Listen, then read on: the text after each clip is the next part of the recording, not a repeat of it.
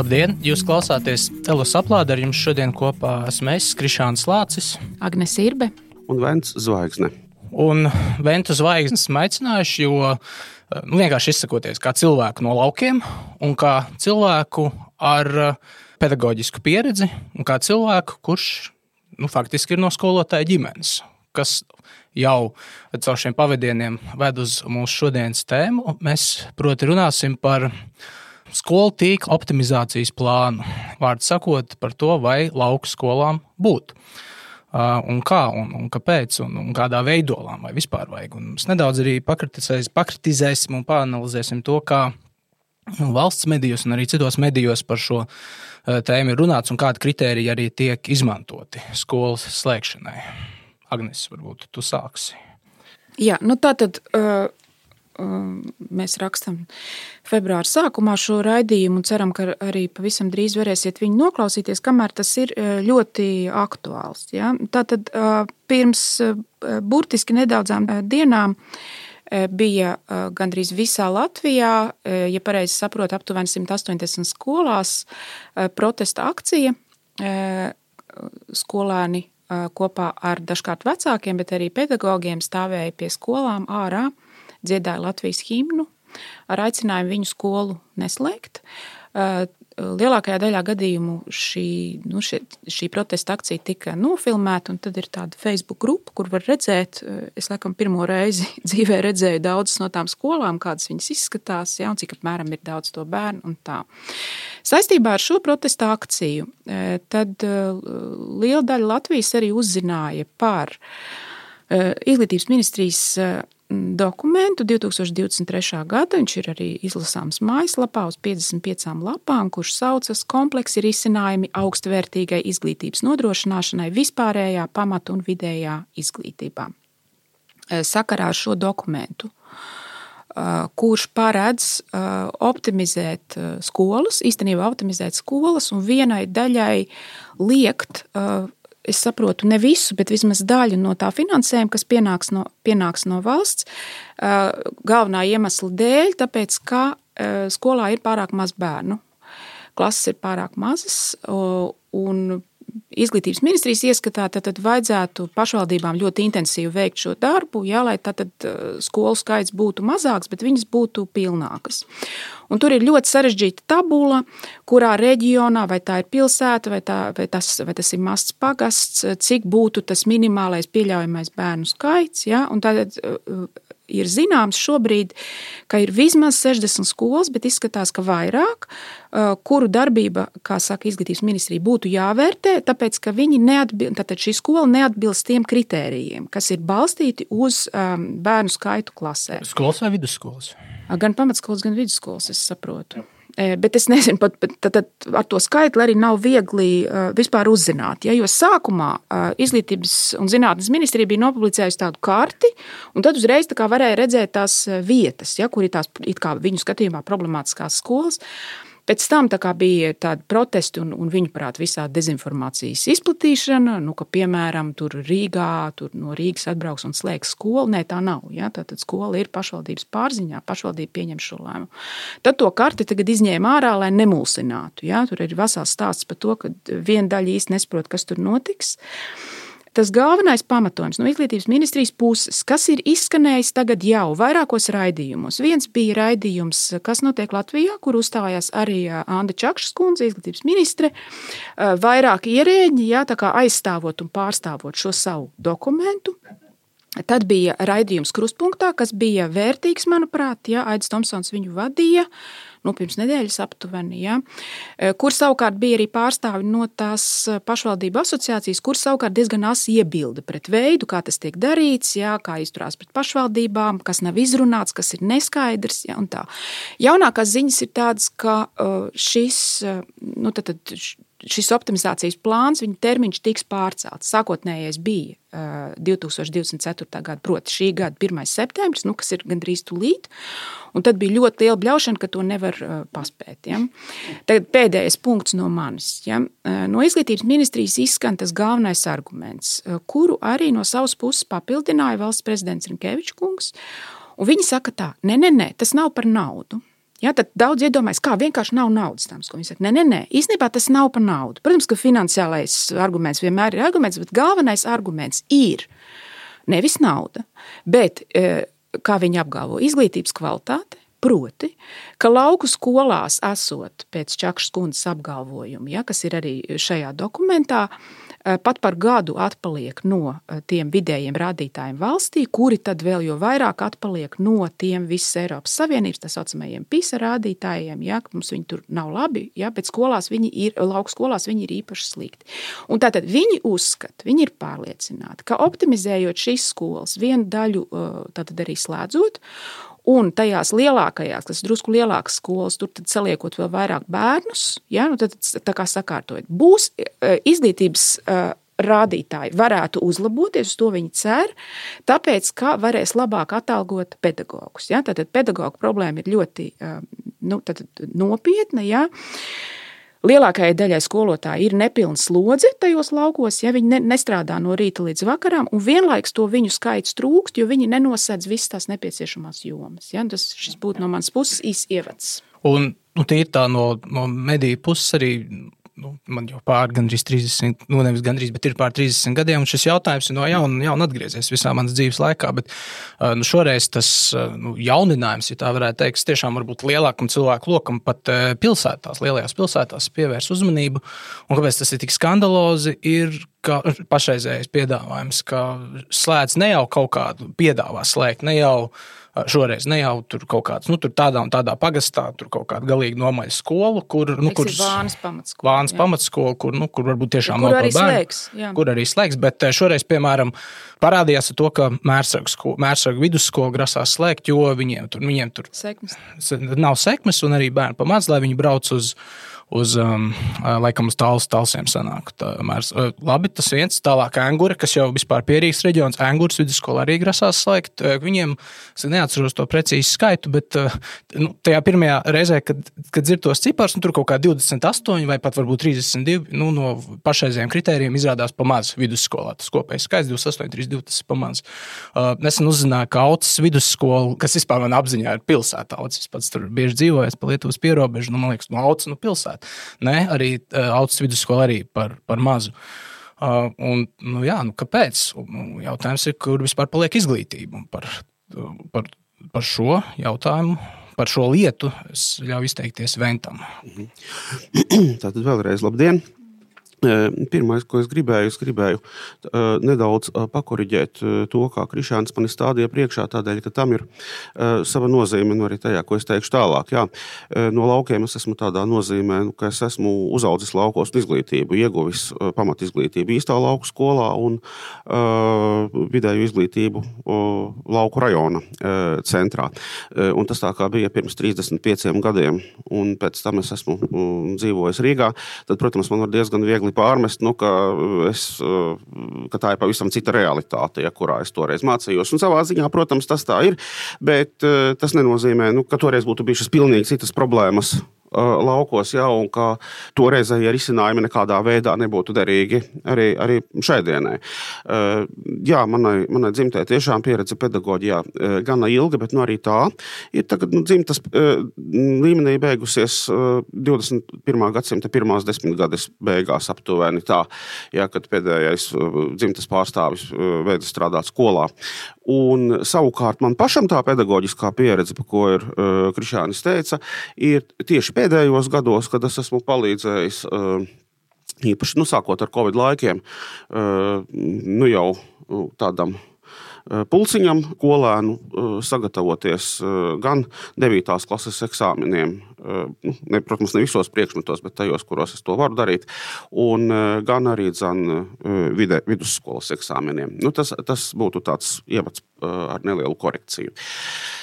Bet Tā tad stāsts par to, ka lauku skolas nevar nodrošināt gana kvalitatīvu izglītību, nu, ir kā referents skanējis tas.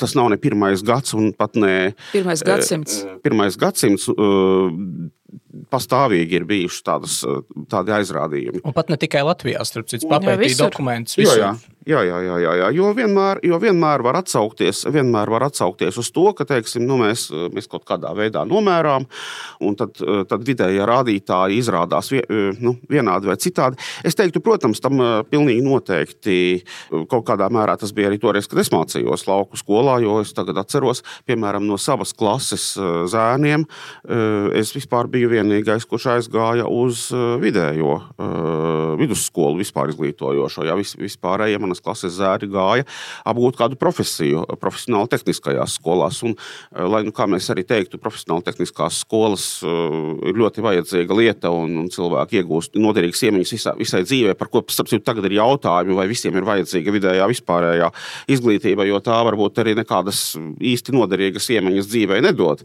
Tomēr arī tajos laikos nu, bija tā, ka bija skaidrs, ka nu, tie ir tādā informācijas izglītotības līmenī, e, profesionāli tehniskās skolas e, nedos e, tik lielu informācijas klāstu un tik labu izglītību, cik to deva vidējā vispārējā izglītība. Tā ka, protams, ja mēs būtu izmērīti toreiz pēc nu, kādiem rādītājiem un salīdzināti, piemēram, ar pilsētas, kaut vai vietējā rajona centra skolām, nerunājot arī par Rīgas skolām, kur bieži vien koncentrējas cilvēki jau ar noteikta veida uh, interesēm no ģimenēm, kuras jau ir guvušas izglītību, un, un tā, tad, tad mēs redzētu tur tās atšķirības. Bet te ir jautājums par to, vai vai šo izglītības kvalitāti, šo izglītības kvalitātes atšķirību nosaka tieši atrašanās laukos un nu, bieži piesauktais skolotāju trūkums. Nu, jāteic, tas skolotāju trūkums lauku skolās bija arī manā bērnībā un skolas gados. Bija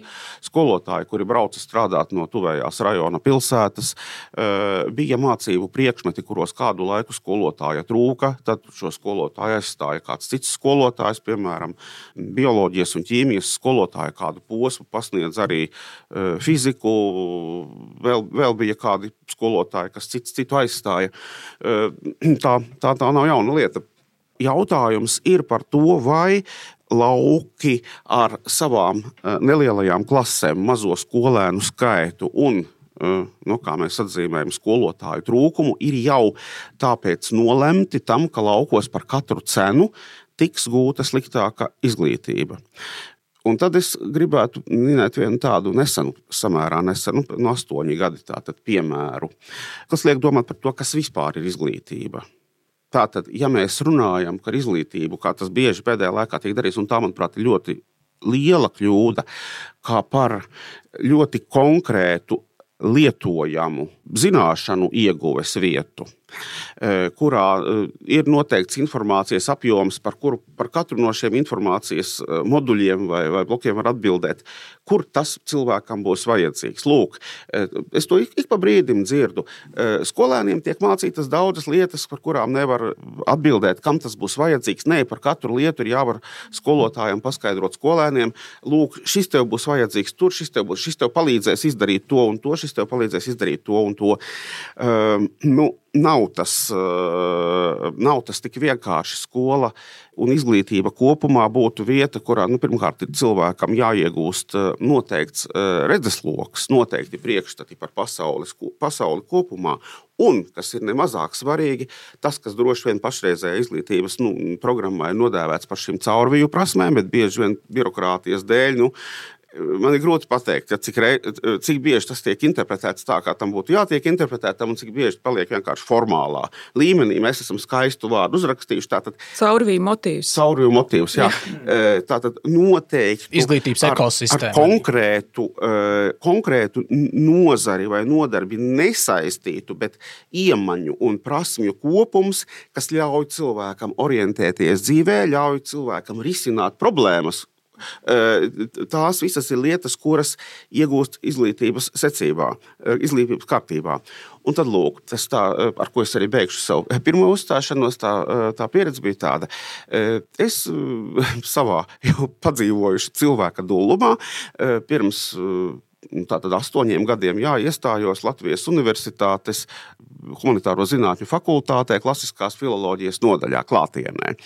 Un mācījos, un jāteic, diemžēl nepabeidzu, lai gan tiku diezgan tālu.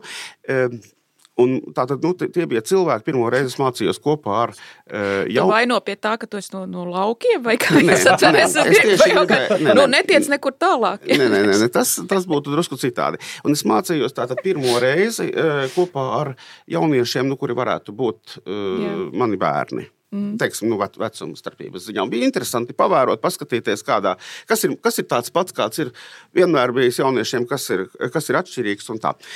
Un mūsu diezgan nelielajā grupā, nu, Agnēs var apstiprināt, eh, klasiskā filozofija ir samērā specifisks, yeah. specifiska izglītības joma, nu, kur var cilvēkus tas kaut kādā veidā ieinteresēt.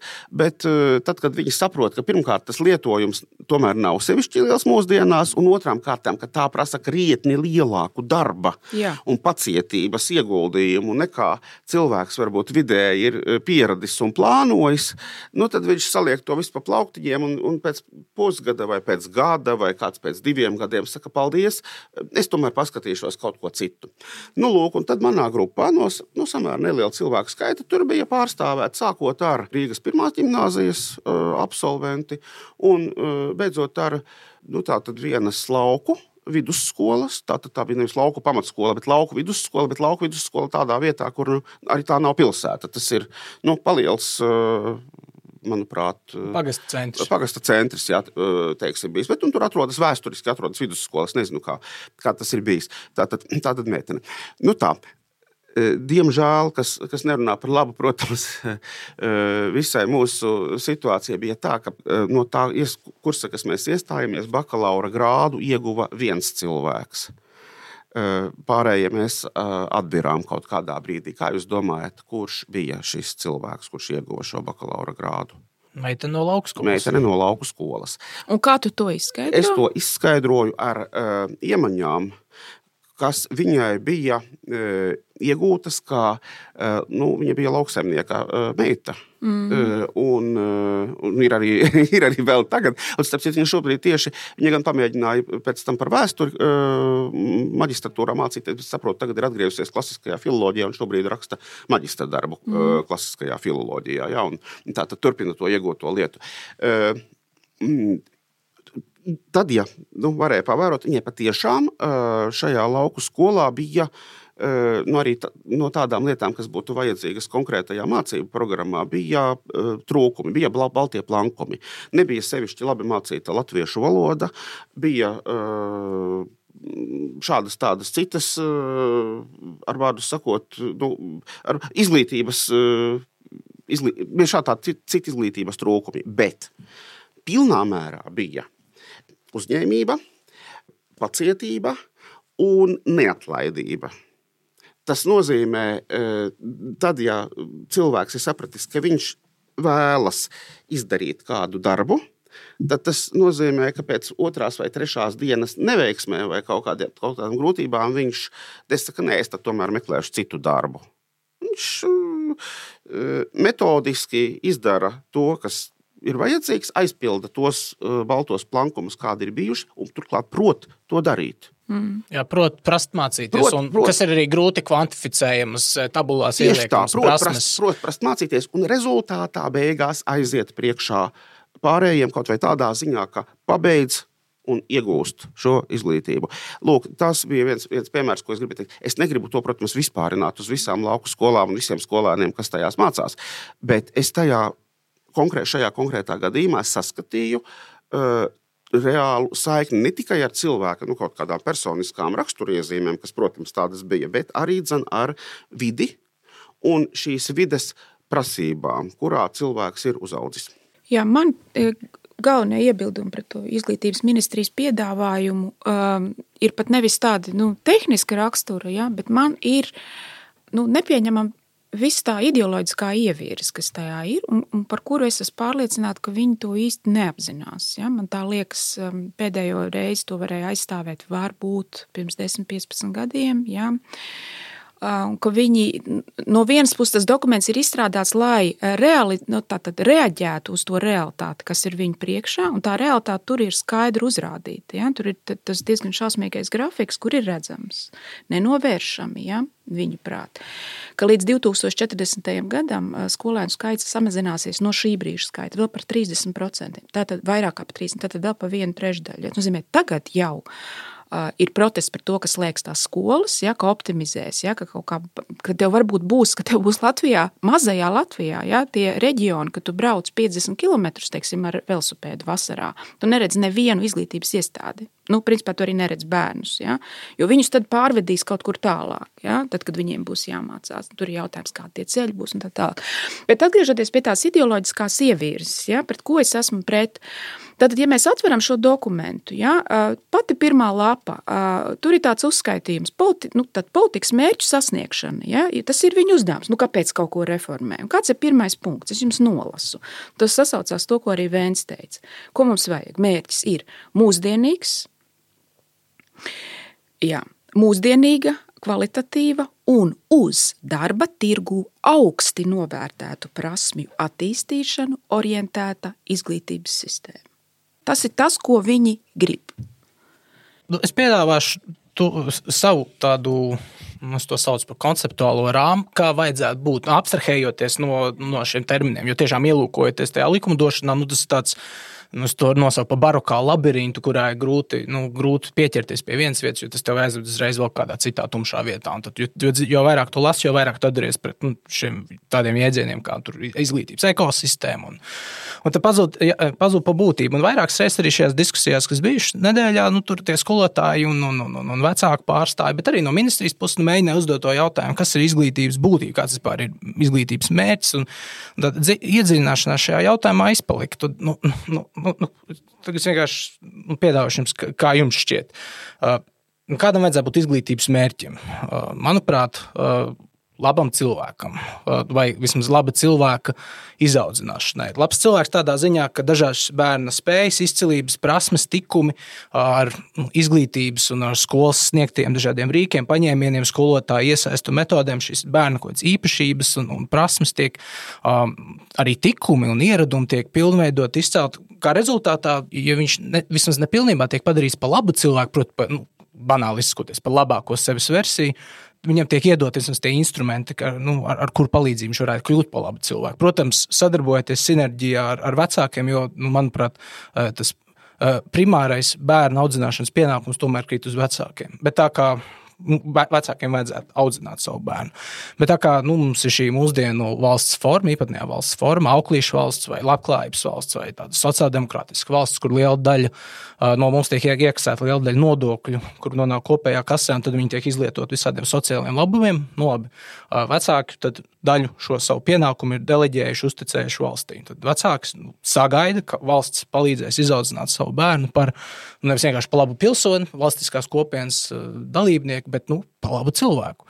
Un man, man tā doma ļoti vienkārši. Nu, ja mēs atzīstam, ka izglītība ir labums, ja valstiskā līmenī tas kaut kādos likumos tiek atzīts, nu, tad valstī vajadzētu rūpēties un mēģināt atrast dažādas veidus, kā šo labumu, pamatlabumu, izglītību dogādāt un sniegt pēc iespējas lielākam bērnu un cilvēku skaitam, neatkarīgi no tā, kur viņi dzīvo. Un, ja Nē, paskat... Visiem ir pamat izglītība, ir jānodrošina visiem. Tas ir izglītības likumā. Likumu. Jā, jā, jā. jā, jā. Tas tā ir. Un tā, es aizmirsu šīs kundzes vārdu, bet tā no, no, no pašvaldību asociācijas pārstāv. Viņa arī izglītība, nu, tajā izglītībai veltītajā sarunā, kas bija krustpunktā. Uh, Viņa arī teica, ja, es nezinu, vai tā ir tiesa, bet viņa teica, izglītības likums nemaz neļauj veikt tādu reformu, kas nosaka bērnu skaitu. Izglītības likumā nav tā. Ir, tā tad, ir pienākums to nodrošināt, bet nav tā, ka, ja ir septiņi bērni, nu, tad viņiem nē. Ja? Mm, bet, ja būs no astoņi, tad jā. Ja? Un tam vēl, vēl klājās pāri tā nākamā problēma, ja, kad, nu, Mums ir, nu, mums vajadzētu būt visiem ārkārtīgi nozīmīgi tas, ka lauki netiek iztukšoti, ja, un ka tev nav kaut kādas tās salīdzinoši mazās vietas, ja, kas tad, nu, tie, es nezinu, aizaug ar latvāņiem vai kā, nu, vai tur sabrūk tās ēkas, vai tur, es nezinu, tur viss izbeidzās, ja. It īpaši šajā, šajā brīdī, kad tur joprojām ir tā skola, Tajā skolā joprojām klasēs ir bērni, un gan tie bērni, gan bērnu vecāki, gan pašvaldība, gan pedagogi, viņi stāv un protestē. Viņi saka, mēs gribam palikt šeit. Ja? Lūdzu, un tur ir bērni. Un redzam, tur ir bērni. Ir bērni. Jā.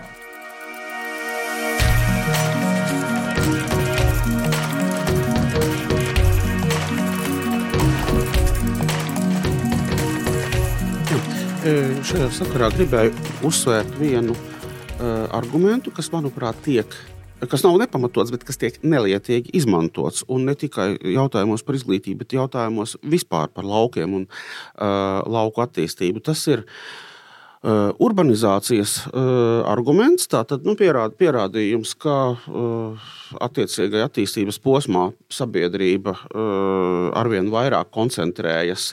Uh, Un tad ir jautājums, vai sabiedrība koncentrējas pilsētā, vai sabiedrība koncentrējas pilsētu tuvumā. Tas šai gadījumā, Latvijas gadījumā, ir diezgan būtisks šī, šis nošķīrums.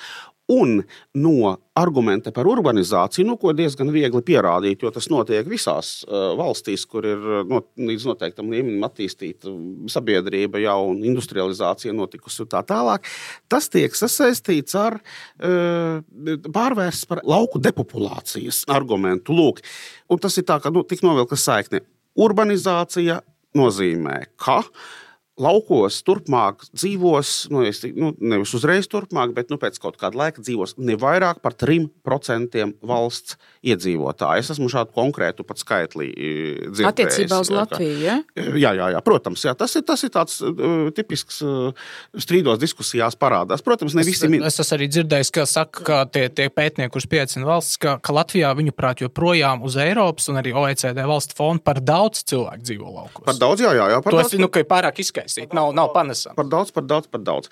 Lūk, pirmām kārtām man šķiet, ka pirmkārt, šeit tas nozīmē, ka ar jēdzienu urbanizācija tiek izprasts kaut kas tāds, nu, kā teiksim, 20. gadsimta sākumā kad pilsētai ir stingri novilktas robežas, un pilsētas tomēr, ja mēs salīdzinām, ir relatīvi nelielas. Un tas nozīmē, nu, ka cil, un, un tā nošķirt no laukiem nu, tāda gandrīz vai sataustāma robeža. Ja lūk, es tagad pārceļos, es tagad ieju iekšpus pilsētas mūriem, nu, kur 20. gadsimta sākumā vairs mūri nebija, bet nu, es tagad, tagad es esmu pilsētnieks. Pilsētnieks un laucinieks. Ja? Ja mēs paskatāmies, uh, Eiropas valstis tāda šāda veida stingri noteiktās robežas jau sen ir izgaisušas. Nav tādu stingri noteiktu. Šīs robežas ir izplūdušas. Varētu teikt tā, cilvēki pārvācas pilsētu, un kas nozīmē ne tikai vienu galvaspilsētu, bet kas nozīmē kaut kādus reģionālos centrus. Tuvumā tas ir nu, tādā vietā, no kurienes viņi var ērti sasniegt darba vietu, kas, piemēram, atrodas šajā reģionālajā centrā. Un te nu ir jautājums, ko nozīmē pilsētas vai reģionālā, lielpilsētas vai reģionālā centra tuvums.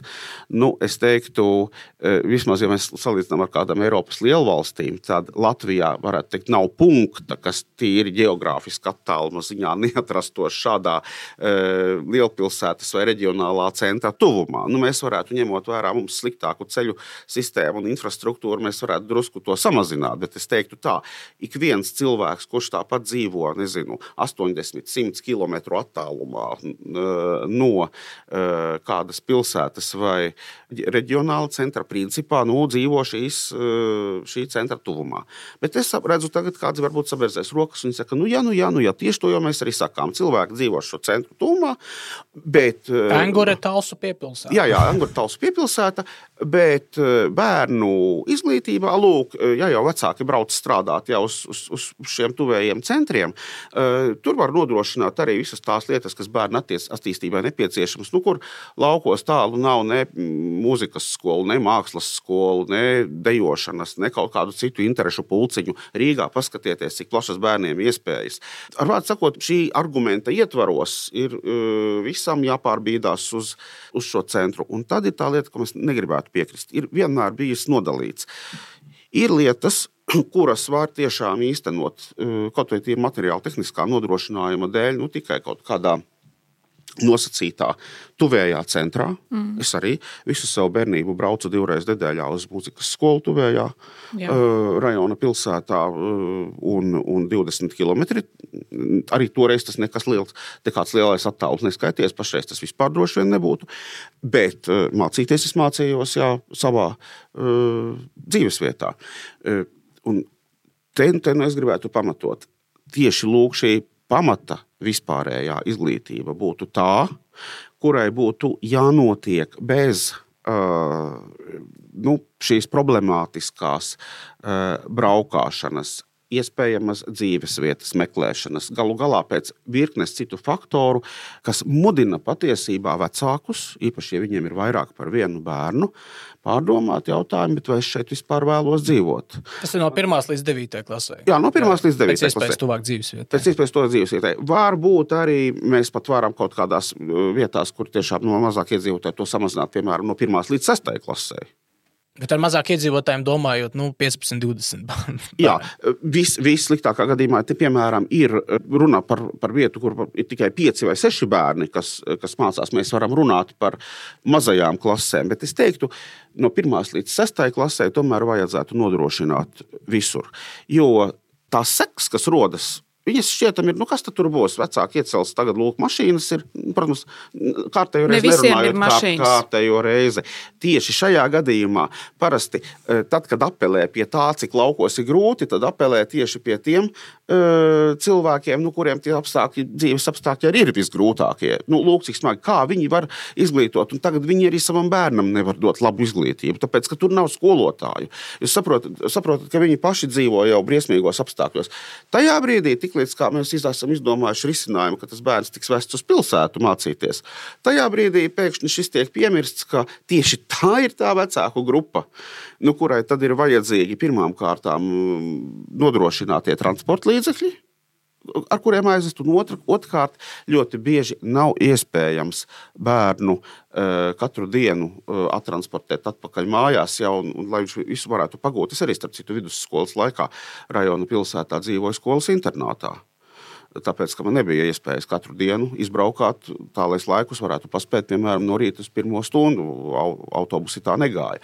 Un, uh, Un tam ir atkal savi trūkumi. Mēs varam iedomāties, ka uh, bērns vai pusaudzis no 9.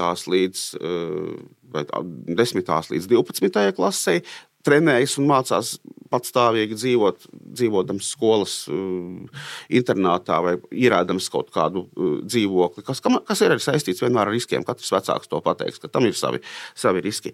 Bet katrā ziņā tādā stāvoklī tas nav normāls stāvoklis, tas ir tik ārkārtas stāvoklis uh, bērniem nu, no pirmās līdz trešajai klasē pilnīgi kategoriski jau tas ir ārkārtas stāvoklis. Nu, un, nu, teikšu, teiksim, tā līdz sestajai klasē ļoti nevēlams. Tīri par tiem cipariem runājot. Nu, es vienkārši neredzu to konsekvenci, neredzu principu, neredzu arī, ka, piemēram, šobrīd šo lielo tā saucamo reģionālo centru uh, vadītāji, nu, kur arī grib ietaupīt, teiksim, uz tādas salīdzinošas normālas vidusskolas rēķina, viņi neredz, nu, ka tas zobens kaut kādā brīdī var nākt pār viņu pašu kaklu, jo nu, no Eiropas Savienības skatu punkta Rīga ir reģionāla reģionālais centrs, ne jau Talsa vai Dobela. Bet šobrīd ir tā, ja nu, es, es personīgi neredzu atšķirību starp to, ka Aucē ir teiksim, 1500 iedzīvotāji, kur grib slēgt vidusskolu, un tad uh, novada centrā Dobelē ir nu, kaut kā 8500, varbūt 9000. Nu, tur nav principiāls atšķirības starp šiem diviem. Tad kaut kādā brīdī nākotnē uz, nu, uz optimizācijas ietaupīšanas rēķina, kas varbūt arī diezgan tuvu nākotnē, nu, teiksim, 20, 25 gadi. Uh, nu, Dobelē arī, nu, teiks Dobelniekiem, nu, redziet, jums saku, 30 km attālumā ir Jālgava, nu, brauciet uz Jālgavu. Tā esam cieti arī Dobeles skolu ietaupot. Un, un tas, jo reģionālais centrs ir Jālgava, kas atkal jau ir pierīgs teritorija.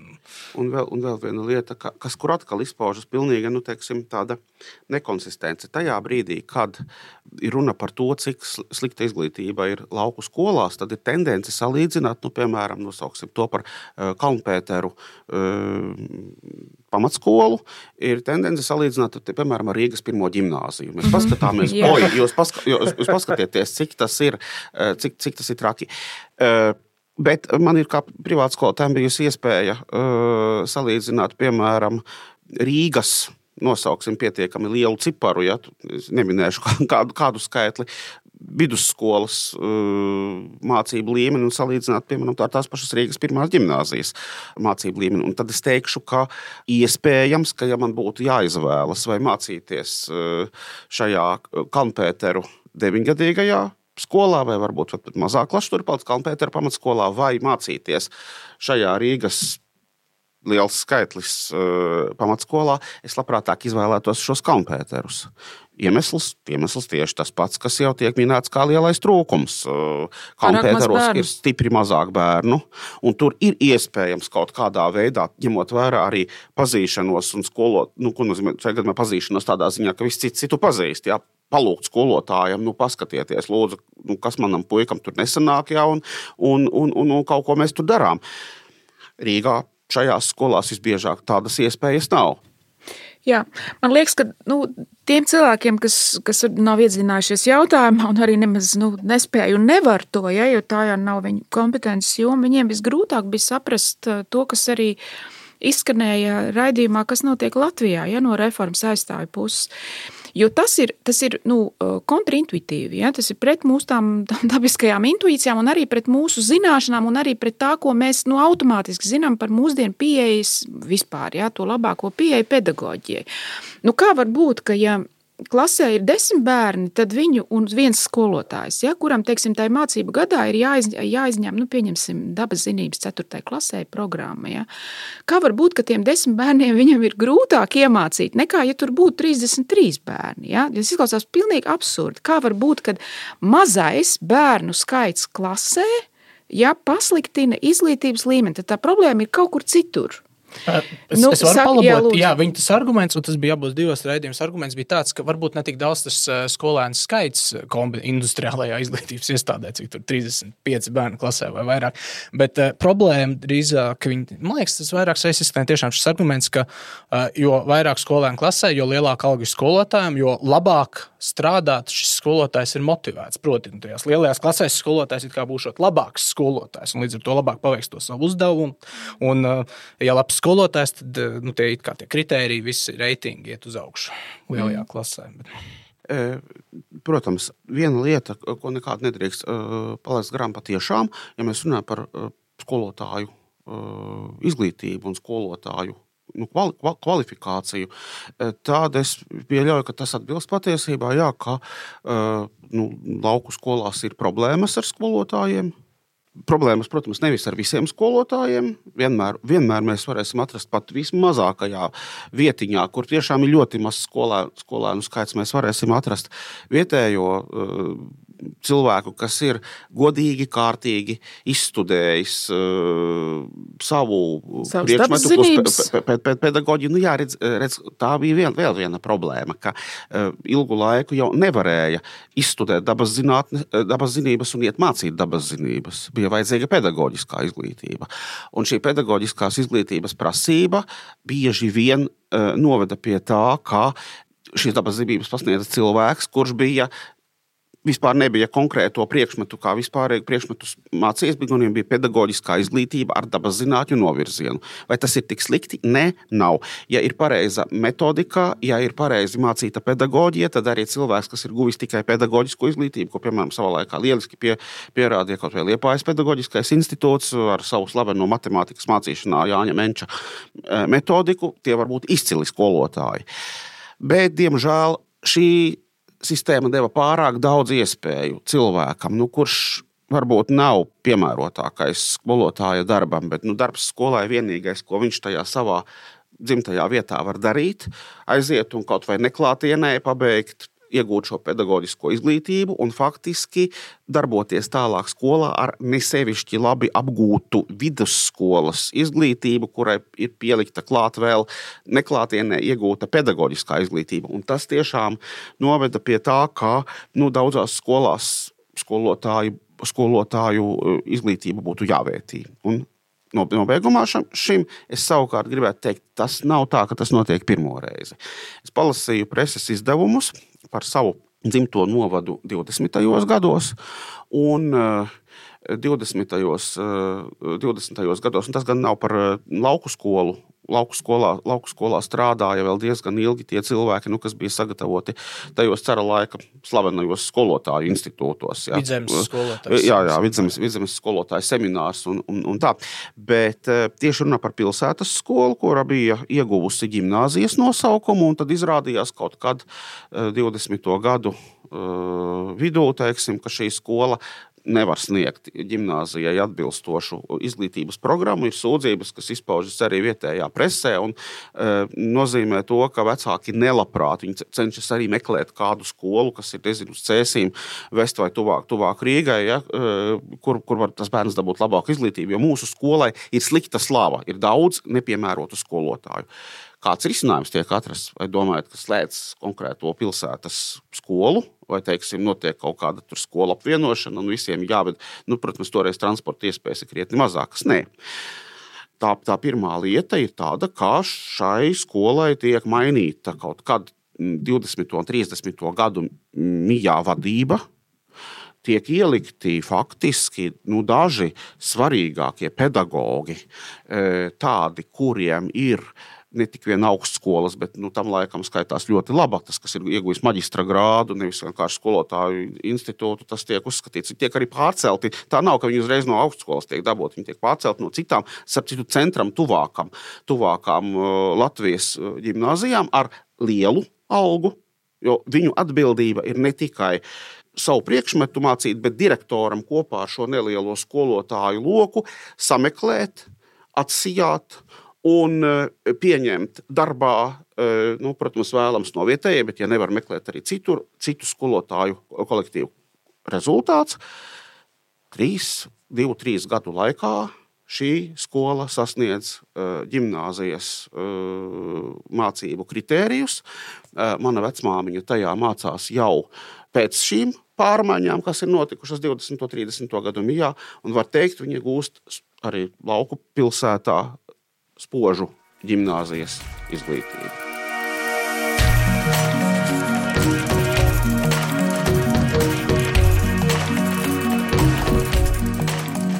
Pārējot jau varbūt pie tādiem piedāvājumu risinājumiem, risinājumiem atbildēm, ko darīt.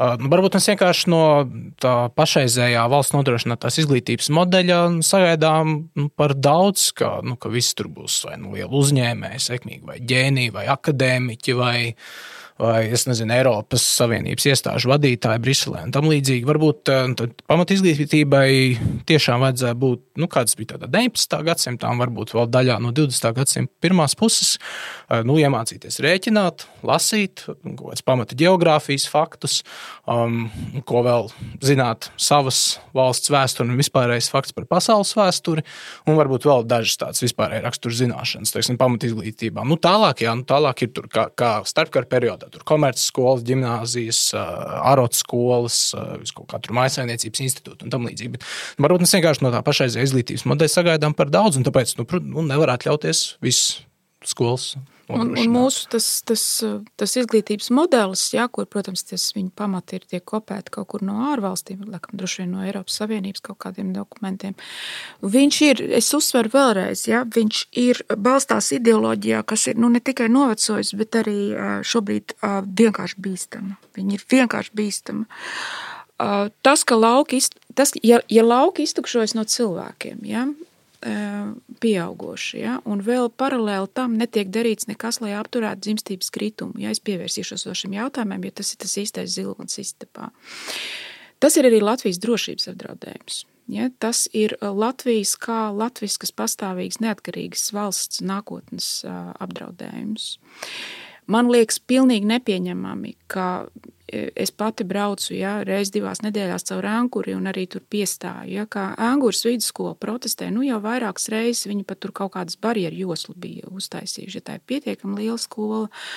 Angūras pašvaldības pārstāvji ir izteikušies. Ja viņi saka, jā, labi, mums šobrīd vēl nav tas skaitlis ar tiem bērniem, bet mums katru gadu pārceļās šeit jaunas ģimenes, ja te mums nāk cilvēki, mums attīstās uzņēmēji darbība. Mums pēc kādiem gadiem būs, ja mēs, mēs esam augoša pašvaldība. Ja?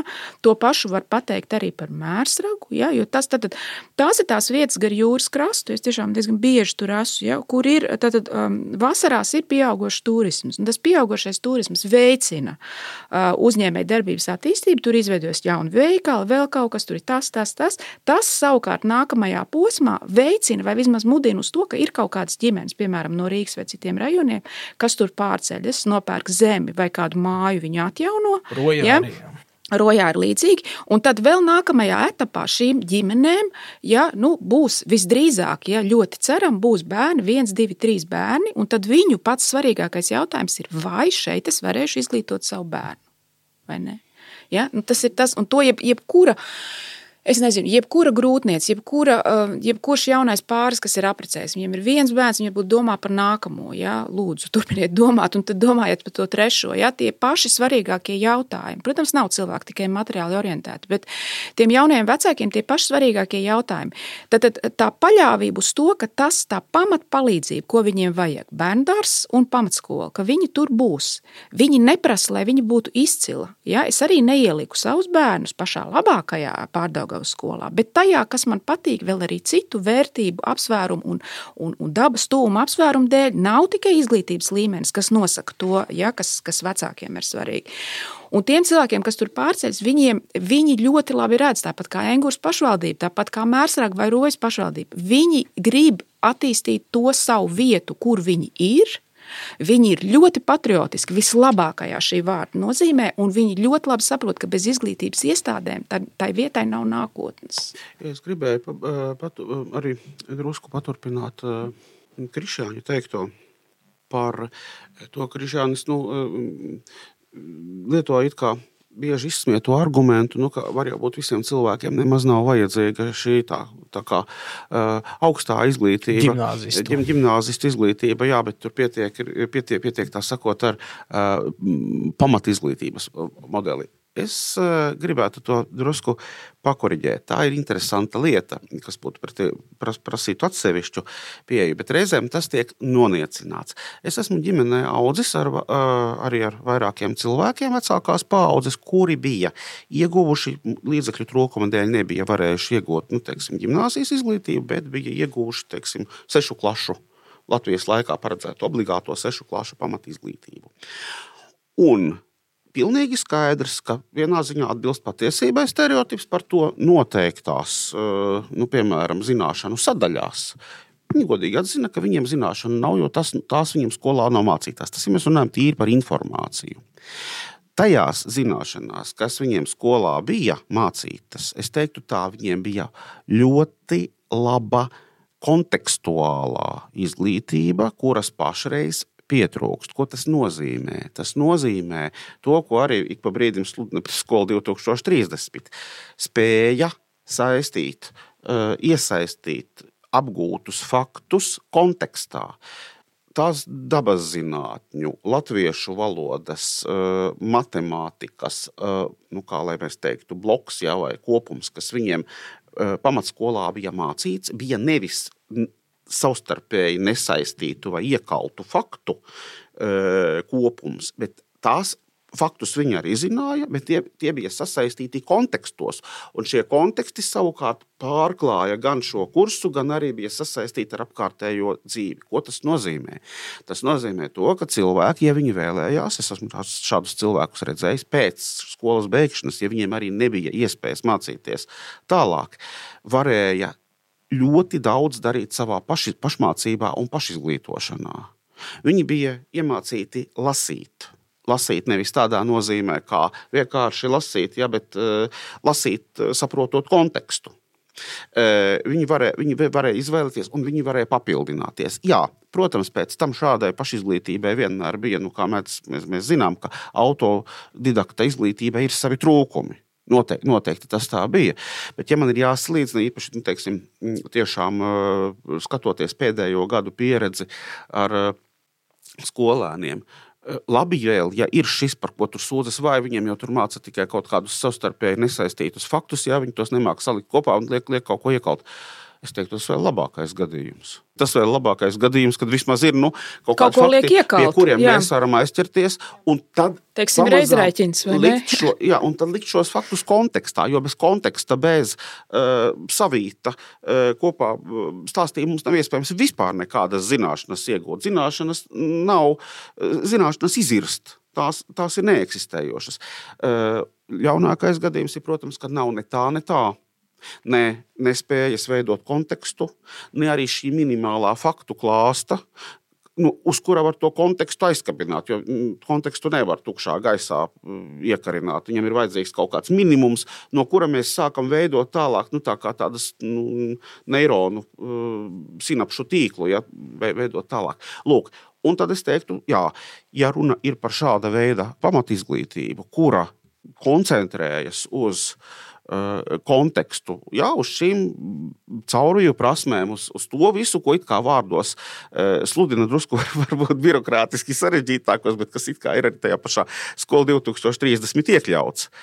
Ja, ja tāda koncentrācija notiktu, es teiktu, ka viena, vienai daļai cilvēku nu, būtu vajadzīga šī sešu līdz deviņu klašu pamatizglītība plus profesionāla, tīra profesijas apgūve ja, nu, amats, amats, kas tiek iemācīts, vai kas tāds.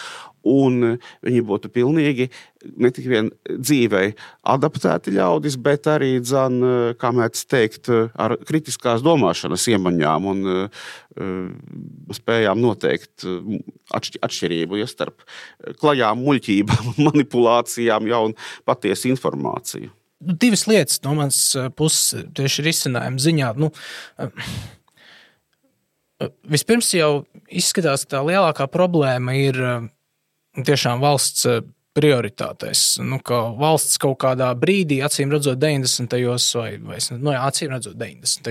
ir, ir izdomājusi, nu, vai nu, ne valsts, saku, valsts kā abstrakcija, drīzāk kaut kādi varbūt, vadošie ierēģi, kaut kādi eksperti, kas arī no rietumiem varbūt ir braukuši kaut ko mācīt cilvēkiem. Varbūt arī bijušie padomju funkcionāri, kas ir pārtapuši par viņu par eh, jaunās valsts eh, veidotājiem ir, ir nu, vienojušies, izdomājuši, ka, nu, ka lauki drīzāk ir nu, nevis tāds kā labums, eh, nevis bonus Latvijai, un, un ka arī atsaukšanās uz vispār vēstures, Latvijas vēstures šo nu, specifisko apdzīvotības veidu, šo izkaisītību viensētās vai ciemos vai pagastu centros, nu, ka tas, jā, ka padomju laiku kaut kādā mērā šķiet viņu prāt ir šo jau pārvarējuši, transcendējuši, un ka nu, turpmāk to, to tiešām tai dzīvē jānotiek pilsētās, un tad nu, ir vienkārši klusi jāsagaida, ka lauki nu, paši par sevi, ja nenobeigsies, tad drīzāk vienkārši kļūs par tādu nu, daudz maz tukšu teritoriju, lielsaimniecībām, kur būvēt vēja ģenerators un tā līdzīgi. Protams, valsts prioritātes jau no paša sākuma tie, tie pamatprincipi ir iestrādāti tā, ka lauki ir sloks, nevis kaut kas, ko mēs gribam paturēt. Un tad no tā izriet, un, protams, vēl pievienot visus tos arī ideoloģiskos absurdus, kur ir dokumentos, izriet nu, tā vispārējā tendence, ka, nu, ka ne, nav gribas nemaz saglabāt lauku skolas, nav gribas saglabāt skolas 50, 100, 200 bērniem, ka nu, tas ir traucēklis un, un ko, ko vajag optimizēt. Tā tad, nu, tad, ko es varu ieteikt šajā ziņā vienkārši mainīt prioritātes. Un, ja valsts uzdevums ir kopīgais labums, tad tomēr saskaņot gan kaut kāds labums, ko sniedz pilsētas un šie reģionālie centri, un labums, ko sniedz lauki. E, nu, labi, manā utopiskajā skatījumā es vispār privileģētu laukus, bet nu, no, no, no, novelkot to utopisko skatījumu līdz zemē, nu, labi, mēs varam salāgot pilsētas un laukus. Un tad, nu, vienkārši ņemot vērā, ka šobrīd arī lauki, manuprāt, ir diezgan apcelti un diskriminēti, tad nu, šajā brīdī, kaut kādā noteiktā periodā, desmit gadu gaitā, varētu teiksim, privileģēt laukus. Tas būtu viens. Otrs, man šķiet, kas bieži bremzē valsts lēmums, ir tāda nespēja domāt ārpus kastes. Ir šie nu, dažādi normatīvie dokumenti, kuriem tad ir vienkārši jāsako skaidriem kritērijiem, jau tādām viegli iestaigātām takām. Nu, kur, kur nav griba nu, nu, vispār tādu pie, pieņem kaut ko citu, kaut ko radošu, kaut ko interesantu. Jo, nu, jo, jo viņi iedomājas tiešām, ka skola ir kaut kāda nu, tāda. Tā, liela ēka, kur jābūt visu priekšmetu skolotājiem. Skolēniem tiešām vēlams būt, acīm redzot, tagad šķiet, nu, 20 vai pat 30 bērniem klasē. Jābūt diezgan lielam arī skolas administratīvajam aparātam, nu, tur grāmatvežiem, visam pārējiem, un tas arī sastāv tās izmaksas. Bet, ja mēs paskatāmies, piemēram, arī Mērsakas skolas direktors Dombura šovā, Dombura redzījumā, teica, nu, ka viņiem vajag tikai 150 tūkstoši gadā, lai nodrošinātu nu, to, to tās algas, algas skolotājiem, vismaz vidusskolu līmenī. Tas, nu, tas nav nav tas, tas šķiet uz tām milzīgajām summām, kuras Latvijā tiek izšķērdētas. Tas, tas nekas nav. Birokrātijā, jā. Ieskaitot birokrātijā. Jā, un tur, tur varētu dažādi arī no pašvaldības puses. Jo šobrīd jau ir tā, ka pašvaldība ir pārspēlējusi to uz valsts līmeni, bet nu, īstenībā arī šobrīd jau izstāsta, ka arī reģionālo centru uh, vadītāji, ierēģi, birokrāti, politiķi nu, kļūst ar vien tādi rīdziskāki. Nu, viņi arī negrib domāt ārpus kastes, viņi negrib nemaz saglabāt teiksim, šīs nomaiņas skolas. Uh, mierīgi varētu ietaupīt tiešām uz administrāciju administrāciju varētu būt ceļošie skolotāji, varētu būt arī daļai attālināti risinājumi, varētu būt vairāk arī šīs apvienotās klases. Es paskatījos skandināvu dokumentus, un tur nav tā viennozīmīgi noraidījumi teiksim, uz apvienotajām klasēm no 1 līdz 6 uh, klašu līmenī, nu, kur ir teiksim, dažādi vecuma bērni vienā klasē. Nu, tur ir, ir savi plusi un ir savi mīnus. Nav tā, ka tas ir kaut kas nu, briesmīgs un slikts. Proti, nu, varētu būt dažādi visādi interesanti risinājumi. Nu, aizpērt, ja protams, ir mājmācība, ja gribētu, bet nu, nav jau šīs gribas. Nav tā vēlme, nav vēlme kaut kā fleksibli fleksibli, arī institucionāli un arī juridiski pielāgoties, lai, nu, lai tiešām dzīvotu cilvēku laukos, ja būtu šis kaut kāds valsts strateģiskais uzstādījums. Protams, apvienotajās klasēs vienmēr būs nu, nu, kaut kāds iebildums, kā ņemot vērā bērnu vecuma īpatnības, ja, un, un dažāda veida arī vienā gadījumā ir vienas disciplinārās problēmas, citā citas, ja, tas, tas ir skolotājiem e, iespējams grūtāk e, veicams pienākums, bet, e, bet citādi savukārt ir ar to, to kas tiek pašreiz īpaši uzsvērts ar grupu darbu piemēram, nu, kas tiek ļoti uz, uzsvērts, ka tas ir, ka tas ir svarīgi strādāt. Tāpēc vajag 30 bērnu strādāt. strādāt jā, jā, strādāt, strādāt grupās. Lūk, e, ir tā, ka ja tā grupa e, ir veidota no e, viena vecuma bērniem, ļoti, ļoti, ļoti līdzīgiem bērniem, tad ir nu, viena veida izaicinājumu. Bieži vien skolotājiem vajag, vajag būt nu, faktiski katrai šādai grupai, ja, kurā, kurā viņš tad jābūt nu, tam, tam mentoram, tam viņam jāskrien no vienas pie otras. Savukārt gadījumos, kad, kad ir dažādu vecumu bērni, tad kaut kāda veida atbildību un, un, un nu, mentora pienākumus mazākiem var uzņemties lielākus bērns. Tas ir, es esmu redzējis, nu, ka, tā, ka tā tas tiek darīts starp citu. Skatnām arī par, par šo bērnu. Skolas, jā, nu, man, man, manas bērnības laukos to varēja redzēt. Es esmu viesojies tā kā skola bija no manas mājas netālu. Es varēju aizskriet, nu, tur padzīvoties, paspēlēties ar bērniem, kas dzīvoja skolas internātā. Un šāda veida, kā lai saka, atbildības uzņemšanās un, un, un, un palīdzēšana un, varētu teikt, grupu darbs, jā, bija bija. Tas nenozīmē priekšā teikšana vai uzdevumu rēķināšana, kurai, liela, priekšā, kurai nebija vienkārši laika, bet dažādu, dažādu vecumu bērni, kuriem klāt, protams, atrodas arī skolotājs, ja, kas to visu kaut kādā veidā kontrolē un skatās dod jaunas iespējas. Es gribu teikt, nevis ka tas būtu viss uzreiz jau ideāli. Tas vienkārši dod jaunas iespējas tieši tām mācību metodēm, kuras ir uzsvērtas kā nepieciešamas nu, kaut vai tos pašās pašreizējos izglītības mm, jā, programmās. Jā, nu, pedagoģi arī varētu būt fleksiblāki. Viena piebilde pie Vēnta teiktā, ja ir vērts kādreiz aizbraukt vecpiebalgā, ja, uz Kalnu kaibēnu muzeju, kur ir brāļu kaudzīši Rēņu un Matīsa, nu, tās mājas, kur arī bija skoliņa, ja, viens no viņiem vairs neatceros kurš, bet viens strādāja pa skolotāju, otrs bija skolotāju palīgs, Viņi abi, abi rakstīja mācību grāmatas, mācību materiālus gatavoja. Tātad katrs, katrs vairākās specialitātēs un katrs savās. Ja, un, un, Tur pastaigājot tam bijušās skolas telpām, jā, ar krāsni stūrī un, un vispār paskatoties uz to, protams, tā ir 19. gadsimta vide, bet drusciņi piezogus, ja, ka mē, tā doma, ja, ka nu, mums, lasot izglītības ministrijas atsūtītos šos milzīgos dokumentus, mums liekas, nē, nu šī tā tālā pagātne, paldies Dievam, ka mēs tur vairāk neesam, ja, tādā lauku skoliņā, kas tur ir skaistā vietā ar pļauju, nu, paldies Dievam, jā, mēs esam prom, krāsnes. un jākurina krāsnes, iedomājieties, ka mēs tur virzamies uz kaut kādu to spožo nākotni, ja, bet es drīzāk esmu tendenti redzēt, nē, tā ir nākotne, un tā ir pareizā atbilde, ja.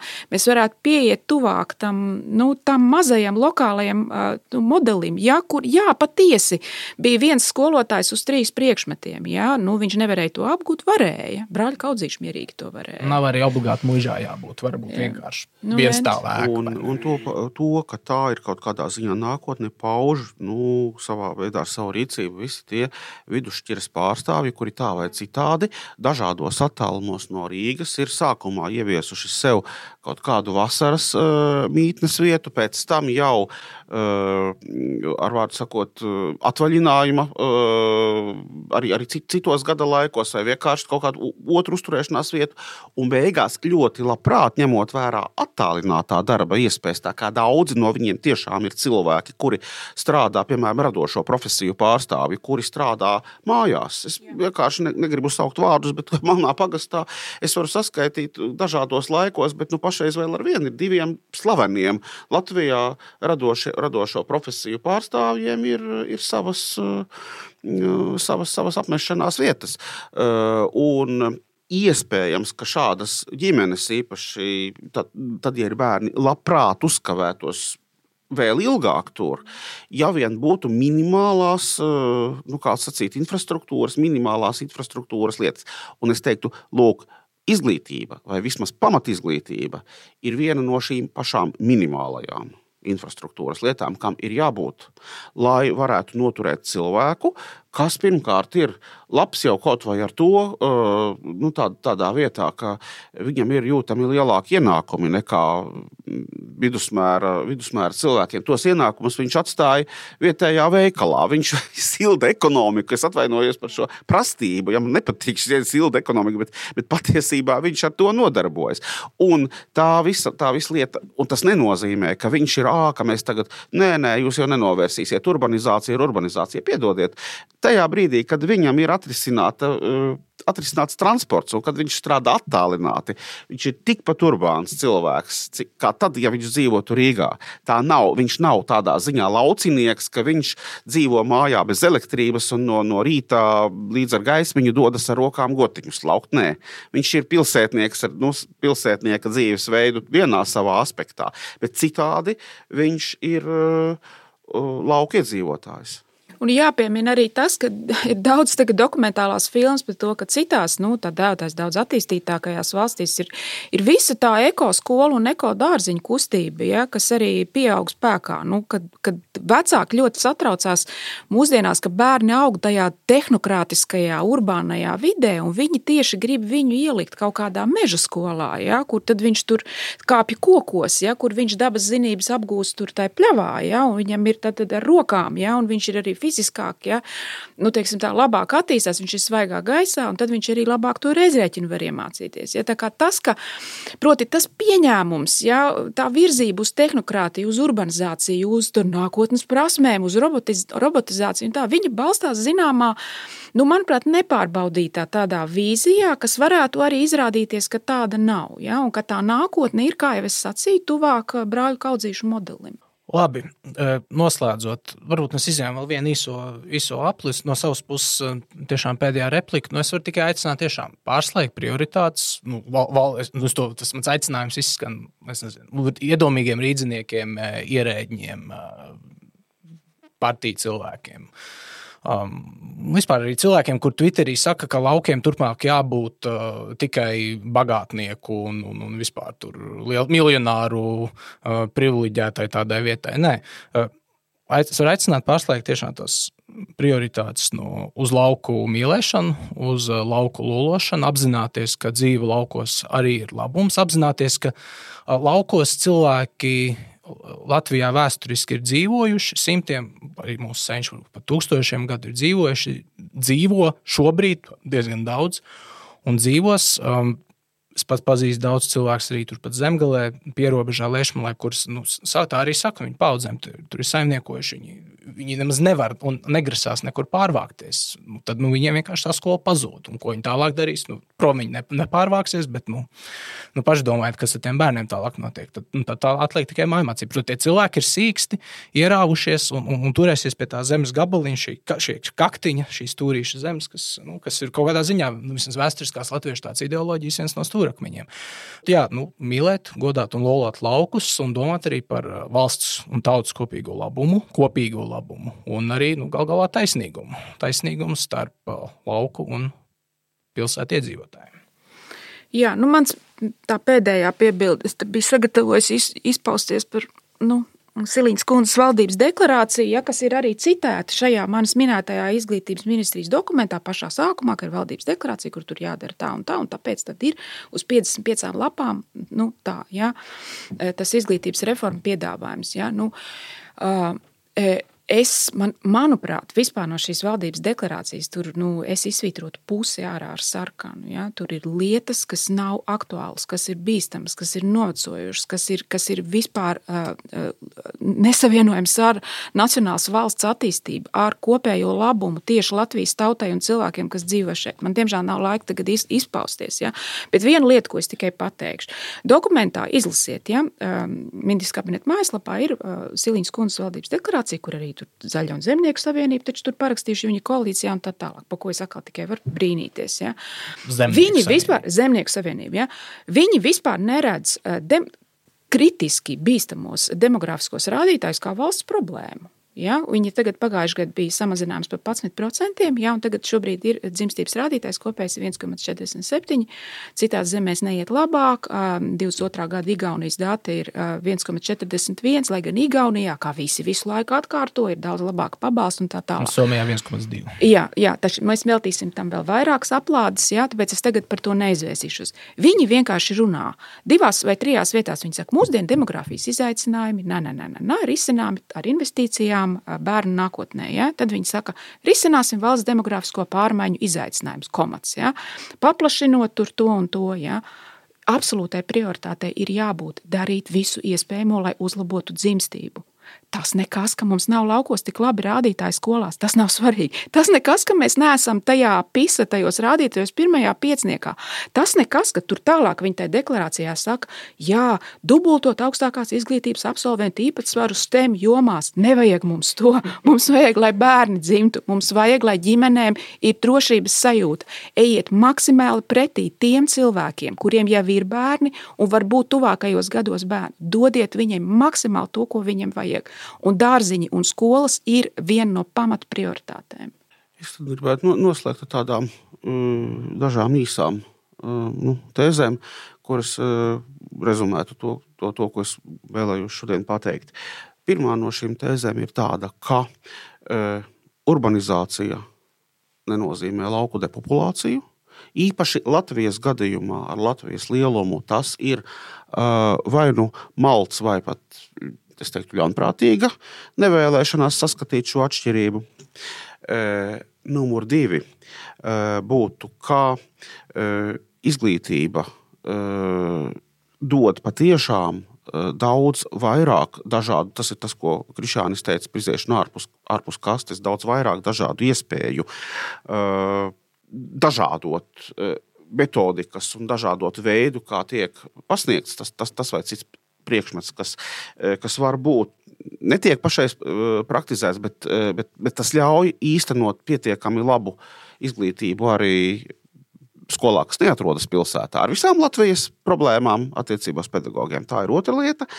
Un trešā lieta, ja izvēle ir starp lauku skolu ar trūkumiem mācību kvalitātes ziņā un starp ne sevišķi kvalitatīvu pilsētas skolu, kur mēs it kā varētu novērtēt, jā, bet ziniet, tur ir nedaudz labāk tomēr nekā tajā lauku skolā. Starpība būs starp lauku skolu un pilsētas elites skolu. Jā, ja kāds bērns ir tik talantīgs, nu, ka patiesībā viņam ir vieta nu, tādā centra elites skolā ar visām maksimālām iespējām, tad, tad, tad tas ir cits jautājums. Bet, ja viņam ir jāmainās, piemēram, kā es, kā es teicu, no lauku skoliņas uz Rīgas 135. Uh, vidusskolu, vidusskolu uh, ar savām problēmām, tad viennozīmīgi priekšroka dodama šai lauku skoliņai ar visu uh, ķīmijas skolotāja trūkumu, piemēram. Paldies! Ar jums šodien kopā bija Krišāns Lācis, Agnēs Irpe un Lens Zvaigzne.